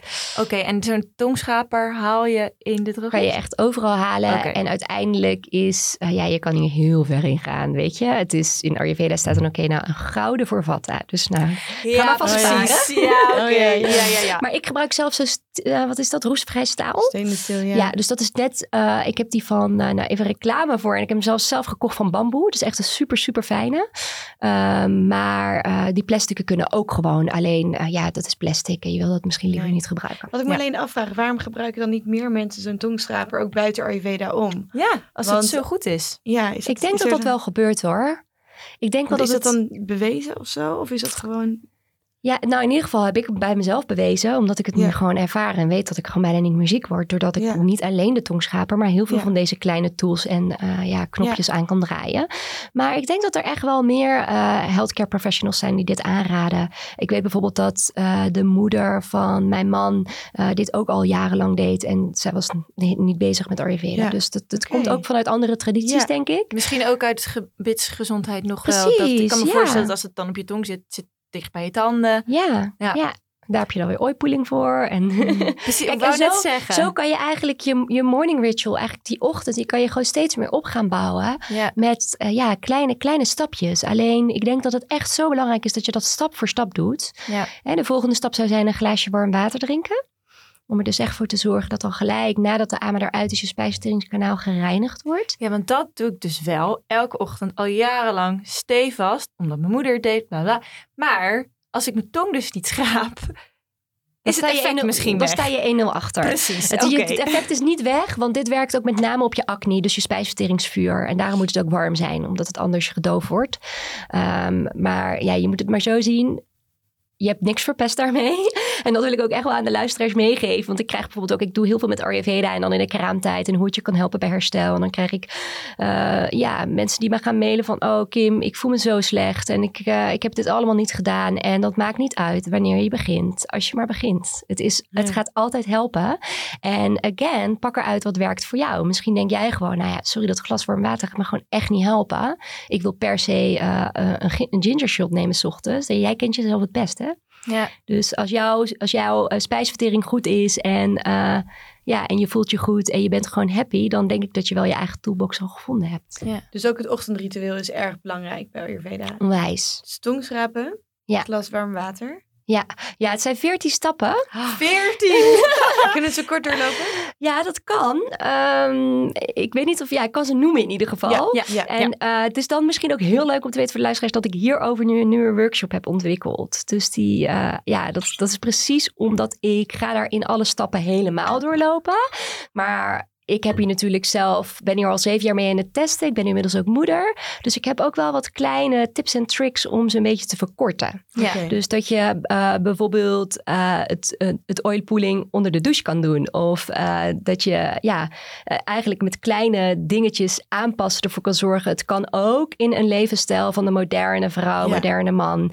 En om daarin dan ook de belangrijkste te pakken. Sommige dingen van het ritueel kan je ook in de avond doen. Ja. Weet je? Dus dat je echt weet van oké, okay, er speelruimte. Maar uh, officieel volgens de oude geschriften wordt je gezondheid het meest geoptimaliseerd als je dit dus in de ochtend doet. Je begint met um, het wakker worden natuurlijk. En het allerbelangrijkste is dan eigenlijk dat je gelijk naar de wc kan. Dus zonder dat je koffie drinkt, zonder dat je iets gedaan hebt. En dat eigenlijk, dat is wat je wil. Als je dat ochtends kan en dus dan ook de substantie van je ontlasting heel goed en mooi is. We zeggen een rijpe banaan. Dan weet je gewoon, oké, ik zit er helemaal lekker in. Dan vervolgens ga je natuurlijk je, je, mond reinigen. Dus dat begint in Ayurveda als je mond reinigen meer dan alleen je tanden poetsen. Dus uh, je poetst je tanden, je schrapt je tong. Uh, dan kan je afhankelijk van welk type je bent, of met kokos of met sesamolie, oilpooling doen. Wat er eigenlijk voor zorgt dat alle gifstoffen die dan dus nog in je mond aanwezig zijn, in de olie komen. En die spuug je daarna mee uit. Daar uh, je gewoon mee in je mond. Ja, ja, dus dat is een reiniging. Dus je, ja, je swish, dus je doet het gewoon in je mond en dan ga je er eigenlijk alle kanten mee op. Ongeveer 10 minuten. En dan zal je merken, dan wordt die olie, die wordt dan steeds waterig, waterig. En als je helemaal uitspuugt, is het een soort van witte substantie waar al die gifstoffen dan in zitten. Uh, als je dat hebt gedaan, dan um, doe je de nettipot. Dus dat is vooral echt belangrijk voor mensen met uh, ja, veel slijm en uh, voor de kaffa's dus. Dat zorgt er echt voor dat je je neus en je hele sinuses reinigt uh, met zout water. En voorkomt dus heel veel uh, verkoudheid en ja, voor- en buikenontsteking, dat soort dingetjes. Volgende stap is dat je dan jezelf insmeert met warme uh, sesamolie. En uh, ook weer afhankelijk van welk type je bent, welke olie je gebruikt trouwens. En dat zorgt er eigenlijk voor dat je zenuwstelsel, eventjes heel kort door de bocht, dat je zenuwstelsel uh, gevoed wordt. En dat werkt dus echt heel erg stressverlagend. En bovendien gaan eigenlijk alle vitamines en mineralen van de olie gaan ook door je huid je lichaam in. Dan zorg je ervoor, ik eigenlijk moet de oliemassage iets later, maar nog voor de oliemassage komt nog officieel uh, het reinigen van de ogen. Dus dat is echt heel erg belangrijk voor mensen met veel pita. Nou, als er veel hitte in je ogen zit of als je veel te vaak droge ogen hebt, dan kan je bijvoorbeeld met rozenwater je ogen reinigen of komijnwater, ligt ook weer aan welke type je bent. En uh, dan ga je uiteindelijk je exercise doen. Dus in, uh, bij yoga wil je echt wel, of bij Ayurveda wil je ook echt wel even je lichaam bewegen voordat je gaat ontbijten. Het is allemaal voor je ontbijt nog, hè jongens? Dat je het even weet. en uh, volgens de oude geschriften doe je dat dus tijdens je uh, eigenlijk tijdens dat je olie op zit. Alleen ik heb wel gemerkt dat met olie op uh, mijn yoga practice doen vind ik niet prettig. Dus ik draai het zelf altijd om. Ja. Je glijdt de mat op, maar aan de andere kant door die hitte die dan door de practice staat, wordt de olie wel nog beter opgenomen. Dus het is wel leuk om een keer te proberen. Zorg er wel altijd voor dat je je voeten daarna goed af schoonmaakt. Want je, het is, je glijdt echt uit. Ook zo'n beginnersfout. Uh, en ja, en dan de meditatie zit er nog in. Um, eigenlijk uh, wil je dan dus na de oliepas het bad. En dat bad kan je dan ook weer zo maken als je een bad hebt. Dat je daar een bepaalde essentiële olie in doet of een geur aan toevoegt die jouw dosha balanceert. En dan gaat eigenlijk de olie, dus je wil nooit, dat is wel grappig, want ik denk dat hier in het Westen of heel veel mensen smeren olie op na het douchen. En dat verstopt eigenlijk je poriën. Dus dat zorgt eigenlijk voor verstoppingen. En je wil dat alles natuurlijk gewoon mooi open blijft. Dus daarom raad ik altijd aan, doe de olie in ieder geval wat voor olie je ook gebruikt voor het douchen op. Of desnoods tijdens het douchen en niet ja. daarna. En dan laat je dus wel even intrekken, zijn werk doen en dan Dat is het beste. Maar weet je, dus de quick ritual is gewoon, doe het in de douche op en dan heb je ook al iets gedaan. Ja. Beter dan niks. Ja. En dat waren de 14 stappen? Ja, ik heb En hoe lang ben je ochtends hiermee bezig? Uh, de, nou, dan ga je dus nog, uh, uiteindelijk heb je nog, je kan nog met sens, uh, met geuren werken, dat zit er ook nog in. en En de meditatie. En de meditatie. En wat het kan, weet je, dat kan van vijf tot een half. Dus het, het, is afhankelijk van wat voor tijd je hebt. En kijk, je moet je natuurlijk voorstellen dat deze teksten zijn opgeschreven toen mensen natuurlijk een heel ander leven leefden. Dus ik heb dit ritueel jarenlang echt heel erg ambitieus, precies zo geleefd. Met een twee uur durende yoga practice erin nog. Uh, en dan stond ik echt om vijf uur op. Dan ben je wel echt ongeveer drie uur zoet. Ja. En dan ging ik daarna naar de dealing room bij Van Landschot denken. Zo dubbel. Zo dubbel. En iedereen bij Van Landschot die dacht, dit meisje is niet goed. Of ze wisten het niet. Jawel, jawel. Die zeiden echt, zij is niet goed. En ik ging het ook echt soort van, uh, ja, groter maken. En dat, weet je. Dus ik ging er echt juist helemaal in mee. Omdat ik gewoon dacht, oké, ik vind het gewoon zo ja. heerlijk dit. Ik, ja. Uh, ja, en uiteindelijk, uh, nou, toen ik dus met Instagram begon, zijn sommige van hun mij daar wel gaan volgen. Maar dat was na een week wel overal. Oh ja, precies. sommige ook niet overigens. Ik heb echt wel echt een paar ex-lawyers en ex... ik heb ook bij het koor gezeten, vrienden daarvan. En die dus dan wel mij nu echt connecten van... yo, hey, wat, wat doe jij? en mag ik het alsjeblieft weten? En wat is jouw... Je ziet er zo gelukkig uit. Uh, hoe kan ik dat ook krijgen? Wat is het geheim? Ja, ja. precies. Wauw, echt zoveel info. En we hebben ook nog wel een leuke luisteraarsvraag die iets um, praktischer is. En die zei, zijn er nog goede Ayurveda kookboeken? Want er zijn zoveel regels en dingen. En er moet inderdaad van alles bestaan. Dus een kookboek is super praktisch natuurlijk. Ja, leuke vraag. En gelijk ook voor mij weer om nogmaals in te koppen dat alles Ayurveda is. Dus elk kookboek kan Ayurveda zijn. Het is echt afhankelijk van welk type. Dus um, bijvoorbeeld veel met, als er een kookboek is met veel warme voeding, dan is dat heel erg handig voor een vata. Terwijl dat misschien meer een kookboek met heel veel salades zou heel goed passen bij een pita-type. Dus elk kookboek is in essentie Ayurveda, als je die bril op hebt. Uh, je hebt wel ook een leuk kookboek, dat heet Eat Feel Fresh van Sahara Rose. Zij is sowieso ook wel echt een, uh, ja, de queen of de Ayurveda. Ze heeft het wel gemoderniseerd. Dus dat is heel leuk om naar te kijken. En je hebt Holy Belly, een website. En er staan echt fantastische recepten En die hebben ook een kookboek uitgebracht vorig jaar. Maar dat is met lenterecept alleen, geloof ik. ja, en daar kun je dus ook je type, kun je aan de hand van je type. En dan uh, zal je ook merken als je daar dus meer op dat soort websites gaat kijken. En dan elke keer van, oh, voor mijn type. En dan merk je, oh, weet je, dit ingrediënt wordt vaak gebruikt. Oké, okay, now I know it. Dat werkt. Ja. en moet je nou eigenlijk dus je hele leven omgooien als je volgens Ayurveda gaat leven? Um, daar lijkt het misschien wel op, hè? En zeker in het begin. Maar ik denk al, wat ik al zeg, het gaat zo geleidelijk. Dus um, kijk, als jij gewoon gaat merken dat je je steeds beter gaat voelen, dan voelt het niet meer als omgooien. Kijk, ik weet nog in het begin, om maar weer terug te brengen bij die voedsellijstjes en wat mag ik wel en niet eten. En, en, en, ook vooral toen ik dus die reuma had, dat ik toen, tot ik toen zei tegen mijn man. Oh nee, als ik dan ook niet meer al die dingen mag eten, weet je, dan houdt mijn leven gewoon echt op gewoon. Terwijl ik nu denk, ja, ik voel me zoveel beter. ja, het begon juist met al dat slechte eten. Hè? Bijvoorbeeld mijn oma of familieleden die hier zo onder lijden. Met alle respect naar hun, want mijn oma is recent overleden en dit is echt heel persoonlijk en het raakt me ook diep. Ze keek me aan en ze zei gewoon, Kim, ik heb alles geprobeerd. En dat heeft ze ook. Ze is naar New York gevlogen. Ze heeft de beste artsen gezien. Maar niemand vroeg haar, wat eet je? En zij at smiddags biefstuk met jus en brood. Ochtends een beschuit met roomboter en suiker. Ja, dat is ook wel een recept waar je niet heel veel beter van gaat voelen. En ze wist niet beter. Nee. En hier word ik echt emotioneel van, want dat raakt me diep, weet je. Het is wel mijn oma en zij heeft echt haar best gedaan. Ja. En andere mensen ook. En ik weet dat er ook genoeg luisteraars zullen zijn die dit ook hebben. Ja. Die echt hun best doen om, om goed en gezond te leven. Maar als je het gewoon niet weet. Ja. En vandaar ook zo mijn missie om dit te verspreiden. Ja. ja. Ik denk dat met de kennis van nu, met voeding, echt voor allerlei ziektes. Het gaat om die ziekte, maar er zijn natuurlijk zoveel um, ja, ziektes eigenlijk die daar voorkomen mee kunnen worden. Ja. Hebben, ja. misschien ken je ook wel de documentaire, of ja, het is een film, ja, documentaire Heal. Ja, prachtig. Ja, waarin wordt uh, laten zien dat eigenlijk veel, vooral chronische ziektes inderdaad gewoon verhalen zijn aan stress en maar ook aan voeding. En ja. Um, ja, Weet je wat leuk is om te weten?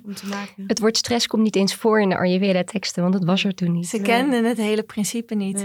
Het is ook een hele westerse ziekte, toch? En nu is wat het stress allemaal. Ja, dus dat vata imbalance, weet je wat ik ook al eerder zei, van er zoveel disbalansen ontstaan er, omdat uh, er te veel vata is, te veel wind, te veel beweging. Dus eigenlijk 70% van de onbalansen worden veroorzaakt door vata dosha.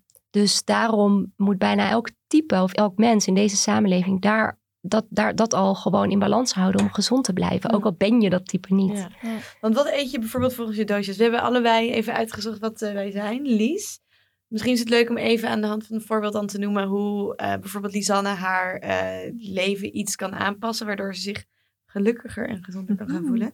Uh, want Lies, jij ging kijken, jij bent voornamelijk Vata. Voornamelijk Vata. En een beetje Pitta. Een beetje Pitta. En ik hoor je ook wel dingetjes zeggen. Dat ik denk, nou, daar valt ook wel een Kappa in thuis. Maar Kaffa is het trouwens, Kaffa, hoor ik jou steeds zeggen. Ja. Nou, weet je, iedereen zegt het anders. Dus. Okay. ik, ik, dacht kappa, maar het is... Ja, ja kappa. Ik zeg zelf kaffa. Oké.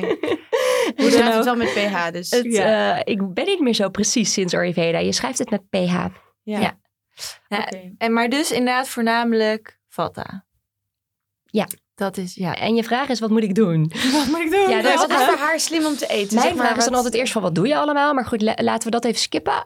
Um, kijk, ik denk dat voor Vata de allerbelangrijkste tip die ik heb... en als je een echte Vata hebt, bent, ga je nu denken... nee, dit is te saai, ja. is routine. Nou, die heb ik dus echt extreem. Oh, dat is toch een, nog meer een pita-ding. Maar, ja. maar dat is goed. Dat is goed. En daarom zit je hier misschien nu ook zo stralend. Want je ziet er hartstikke gezond uit. Nou, bedankt. dat is een mooi compliment. Ja, ik denk dat dat... Um, kijk, voor Vata is gewoon die ritme, regelmaat, routine. Warme voeding. Denk aan uh, dat tegenovergestelde inbrengen. Dus het klinkt misschien... En als je heel sceptisch bent, denk je... Ja, Kim, seriously. Maar try it out. Uh, als jij heel veel wind hebt en dus altijd all over the place bent en te gestrest bent. windtype? Wind, ja. Oké. Ja, dus Mhm. ik vind dat mee, met name het windelement. Dus uh, Vata is ook nodig voor alle beweging. En maar dus de beweging in je zenuwstelsel, de beweging in je lichaam. De, het is heel erg, uh, ja, erratic, dus onregelmatig. En dat, die outburst van energie en dan gewoon, pff, ik ben compleet exhausted. Dat is typisch Vata. Dus er echt voor zorgen dat als die energie omhoog komt en je zit op de fiets. Oh my god, het is vrijdagavond en ik ga nu, want ik voel me zo goed. Dat je dan eventjes gewoon denkt van, oké, okay, dit gaan we doen, maar ik ga het meer containen. Ik ga het meer, ik ga het niet allemaal uitgeven, want dan zijn zaterdag en zondag echt niet meer leuk. Ja. dat is wel echt een typisch uh, Vata foutje. Ja. Of een, uh, ja, hoe zeg je dat? Gewoon waar ze vaak tegenaan lopen. Precies. En um, dus die voeding uit de aarde. Dus denk aan groentes die uit de grond komen. Die zijn heel erg aardend. Bieten, wortels, pompoen, asperges. Alles eigenlijk dat uit de grond komt. En dat dan opwarmen. Dus er echt voor zorgen dat je die warmte inbrengt. Dat is echt het, ja, de allerbelangrijkste tip, denk ik. Ja, en te veel rauw eten verlies. Nee. Nee. Nee, ik denk niet. Uh, ik weet niet of je daar al ervaring mee hebt. Maar als je veel rauw eet en veel salades eet, dan uh, kan het dat bij Vattas wel echt uh, ja, zich gaan vertalen in een droge spijsvertering. Ja, ja. Ja, interessant. En, ja. um, ga het testen. Ja. Ga, ga een hele dag salades eten. En, en want dan, weet je, dat is waar, dan waar voel je het het gaat verschil voelen. ook. Ja, en, en dat is echt, uh, want dan weet je het. Ja. En dan weet je gewoon, jee, Kim had gewoon gelijk, man. Ja. Ik, uh, ik voel me gewoon veel beter als ik dit nu doe. Ja. En omdat ja. je uh, begin van de podcast hadden we het over, over de ochtend. Um, welke tijd doet Lies het goed? Welke tijdstip van de dag? Ja, dus dat zijn die cycles. Hè? Dus, ja. dus zij moet uitkijken, vooral uh, die, die. Kijk, je vata-energie is hoog uh, bij het opstaan. Dus tussen drie en zes. Ja, dat noemen wij opstaan in Ayurveda. Ja, ja. maar dat is ook, als je kijkt naar je hormonale cyclus, dat is wanneer je adrenaline piekt. Dus dat zorgt ervoor dat je opstaat. Maar uh, diezelfde cyclus eigenlijk. Dus eerst is er vata, dan ga je in de kaffa-energie. Dat zorgt er daarom ook voor dat vaak mensen die dan uitslapen zich nog moeier voelen. Omdat ze dan opstaan in die zware energie. Dan ga je de pita-energie in. Dus daarom heb je dan ook honger. Hè? Pita, spijsvertering, vuur. En dan uiteindelijk dan herhaalt dit, deze drie doshas herhalen zich weer. Dus in de namiddag tussen drie en zes. Dus de ochtend en namiddag zijn de vata tijdstippen. In de ochtend als je vata bent dan zul je vaak denken. Oh ik ben echt een ochtendmens. Want hup ik sta op en dat is echt helemaal heerlijk. Maar die klappen dan soms neer in de ja eigenlijk gewoon na de lunch tussen drie en zes. Is, kan je je compleet gewoon eventjes oké, okay, het is allemaal te veel geweest. Uh, dus daar moet je op letten. En dan als je op je werk bent, gewoon te weten, ah, het is vata-energie, het is vata-tijd. Ik ga nu voor mezelf gewoon eventjes een hele lekkere, warme, vata-balancerende thee drinken. En dan ga ik even op de wc zitten. Dan ga ik tien hele diepe in- en uitademingen maken met mijn voeten op de grond, zodat ik ze voel. En dan ja, Gewoon ga je eigenlijk die stressstand even uit. En dan ga je dus, ja, stressstand noem ik het nu, maar het is eigenlijk gewoon te veel vata, te veel wind. Ja. En dan heb je dat al Dus tijdens je dag gebalanceerd. Ja. Ja. Ja. Oké. Heel helder. En het klinkt ook wel als... Uh, ik ben ook echt daadwerkelijk, Roos dat beamen, een ochtendmens. En ik merk ook inderdaad rond dat uurtje of drie... en dan ga ik ook wel... dan denk ik, ja, het hoeft mij eigenlijk nu niet meer. Ik ga liever, leg ik alles even neer en ik pak het vanavond wel weer even op of Ja, zo, maar zeg als maar. je dat dus kan, en ja, jullie werken natuurlijk voor een superbewust eh, bedrijf. Dus als jij dit, weet je, de, de, het beste in dat tijdstip, als het mag en kan en er is tijd, eh, doe een korte meditatie. Zet de yoga nidra op. Ga met je legs op de wall, een kwartiertje liggen met eh, fijne muziek in je oren. Ja, En je gaat daarna gewoon weer lekker knallen. ja. Want ook in die periode is dus de creativiteit vaak heel hoog. Maar dan moet er wel eerst die ontspanning zijn geweest. Ja. Nou, ik ga het proberen. Ja. En Roos, daar ben ik ook benieuwd naar. Ja, ik ben dus ehm kappa, kaffa vooral. En eh, ook een beetje vatten en iets minder pitta. Ja. Ja. Dus ehm, ja, jij deed het intermittent fasting natuurlijk al, hè? Hoe- Nou, hoe ik heb dat, bijna een jaar gedaan. Ik heb dat nu eigenlijk sinds de lockdown niet meer. Omdat ik dus steeds thuis ben en dan ja, dan Ga je snacken, inhouden. ja, dan dan wil ik je gewoon wel lekker Dat is zo'n typisch, zo'n typisch kaffa. Ja. Ja, kaffa's zijn er echt daarin. eh, ehm, ja, die houden gewoon van lekker eten. En gewoon oh, lekker comfort en lekker chill. En dan zijn ze ook het meest op hun gemak. Dus ja, eigenlijk voor jou is dat dan toch wel dat eh, echt gewoon goed voelen. Heb ik wel echt honger. Eh, en dan misschien maar even een wandelingetje gaan maken. Als je je niet kan inhouden in de ochtend met de lockdown. Eh, want dat intermittent fasting is echt iets wat supergoed past dan. En ik denk dat het je veel gaat opleveren. Ehm, en eigenlijk juist meer die yoga practice of welke workout je ook het liefste doet, dat echt een workout is in de ochtend. Dus dat je echt even beweegt. En eh, als je bijvoorbeeld, doe je yoga? Ja. Ja, dan van die backbend houdingen en zo. Eh, dat je dat gaat doen in de ochtend. Nou, dan sta je ook gewoon 2-0 voor. Weet je, dan, is, dan begin je je dag gewoon. Die, die stimulans heb je dan juist meer nodig. In plaats van. eh, Welk element is eh, kappa? ja, dus kaffa is aarde en water. Aarde met name water. aarde. Maar als je dat dus bij elkaar voegt, krijg je modder. Dus het Hmm. kan eerder... kijk, de plusside van kaffa is gewoon door dus dat waterelement vooral gewoon super gepa- gepassioneerd. De meest zorgzame mensen. Lief voor anderen. Maar je kan dus daardoor ook te veel aan anderen geven. De downside van kaffa is dat eh, ja, je kan je echt te sluggish gaan voelen. En eh, laat maar, het hoeft niet meer. Meer gewoon echt die, die donkere kant ingaan. En dat wil je voorkomen. Dus daar op dagelijkse basis mee bezig zijn door jezelf wat meer te stimuleren. Misschien dus juist wat meer pittig eten eten. En eh, ik weet niet of je wel eens Osho-meditatie hebt gedaan. Nee, eigenlijk nog nooit. Dan ga je dus echt gewoon dansen op muziek. En, eh, of in de ochtend überhaupt dansen. Gewoon echt even lekker bewegen. En ja, dat, dat zorgt er gewoon juist voor dat je ja, dan wel tegelijkertijd die stabiele persoon blijft waar iedereen het liefst naartoe gaan, kan gaan. Maar zelf nog wel net meer even iets die, ja, die energie en, eh, en lichtheid voelt. Ja. Dus wat is dan, dus voor mij is eigenlijk pittig eten een goed idee. 's ochtends bewegen. En eh, qua voedsel, dus inderdaad het intermittent fasting, het ontbijtje overslaan. is een hele, eh, Ja. wordt, wordt vaak... eh, ik heb zelf bijvoorbeeld ook veel kaffa. En ik weet nog dat ik vroeger niet wilde ontbijten.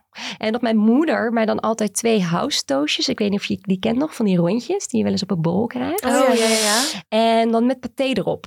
En dan zat ik daar echt met, ik, ik kon dat niet. Ik weet nog, maar ja, er werd altijd gezegd, ontbijten is gezond. Het is Ja. je belangrijkste maaltijd. Ja. Dus mijn moeder dacht daarin gewoon iets heel goeds te doen. Maar eh, ja, dat is eigenlijk helemaal niet zo. Dus ehm, in ieder geval niet voor iedereen. Ja. Dus voor jou dat. En dan inderdaad dus juist meer dat lichte voedsel. Hè? Dus juist meer eh, in plaats van al die aarde dingen. Dat je dus juist meer kijkt naar eh, groene bladgroentes. En naar eten wat niet te zwaar is. Dus wat minder olie kan je daarin gebruiken. En bijvoorbeeld een heldere soep in plaats van geblend met kokosmelk. Oh, ja. Interesting. Ik vind het wel grappig, want ik ben bijvoorbeeld, omdat je zei, het heeft ergens ook wel iets, eh, je kan astrologie hier ook in implementeren. Ik, al mijn tekens zijn ongeveer een vuur, terwijl hier eh, komt Pitta. ja, het want wij het hadden minst vorige week nog over. Ik zei, ja, maar Roos, jij bent sowieso een pita. Ja, dat dacht ik ook wel vuur, Ik maar heb- dat heeft er dus niet per se mee te maken. Nee. Jawel, vuur is er, maar ik, ik, ik ken je natuurlijk nog helemaal niet. Maar Nee, ik, denk dat jij ook wel veel vuur hebt. En je hebt nu ook iets roods aan. Ja. Heb je dat vaak? Nee, eigenlijk niet. Ik heb vaak meer aardekleuren aan. Want pita's zijn heel erg geneigd om rode kleren te dragen. Oh ja? Oh, wat grappig. Mijn dochter heeft ook veel vuur en ik was gisteren met haar in de winkel en dan laat ik haar sokken kiezen en dan kiest ze dus knalrode Oh, uit. ja. En dan, dus eh, bijvoorbeeld, weet je, je kent wel gewoon die mannen die dan op het strand lopen in van die rode broekjes. Zijn helemaal pita's. Gespierd, weet je wel, helemaal onder de olie, vol in de zon. En eh, de macho why. man, dat zijn de pita's. Ja, why. natuurlijk. Dat ga we ik de volgende vertellen. Leuk. Ja.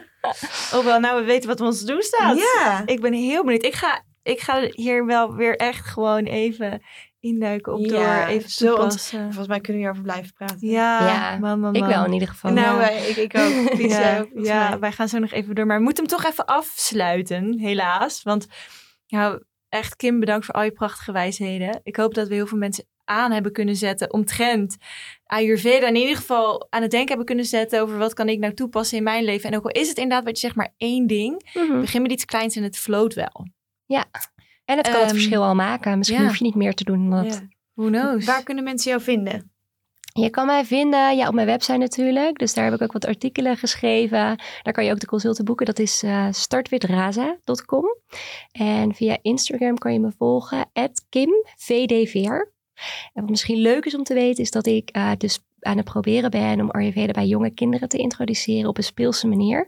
Dus ik heb eh, net een week geleden het allereerste Ayurveda kinderboek eh gepre-launched. Gefeliciteerd. Wat Ja, leuk. Tof. Echt super cool, waarin ik dus eigenlijk spelenderwijs deze drie types eh, ja, aan kindjes over wil brengen. Dat kinderen eigenlijk al van jongs af aan gewoon weten, hey, iedereen is anders, iedereen heeft iets anders nodig en ik ben oké zoals ik ben.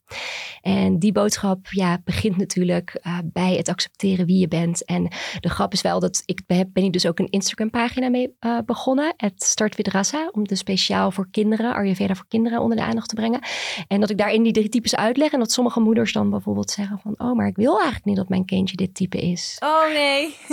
Zie je? En daar Oh, begint ja, het dus ja. al. Dit is verschrikkelijk. En dus ja, ik hoop dit te gaan doorbreken. En Ja. dat we dus echt als ouders zijn, echt, en daar begint het, weet je, dat we onze kinderen zo kunnen opgroeien, bewust kunnen opgroeien. Dus ja, het is misschien ook leuk om er naar te kijken voor eh, de ouders die luisteren. Ja, Het allereerste. Ayurveda kinderboek en het heet Zo is de spin. Oh, mooie naam. Mooi. Hoe kom je erbij? Er komt de spin de kamer in en dan is het de vraag natuurlijk, hoe reageert welk kindje? Ah, Hoe- precies. Iedereen reageert anders, Ja. afhankelijk van welke elementen er het meest aanwezig zijn in jou. Heel leuk, heel leuk. Nou, dankjewel. En ehm, laat ons vooral weten in een review wat jouw ervaringen eventueel zijn met Ayurveda. Want ik ben echt heel benieuwd wat het luisteraars eventueel kan, eh, kan brengen. Mocht je nog vragen hebben voor ons, nou, je weet ons te vinden. info.bedrock.nl en at Bedrock Magazine op Instagram. En ehm, tot een volgende. tot de volgende keer.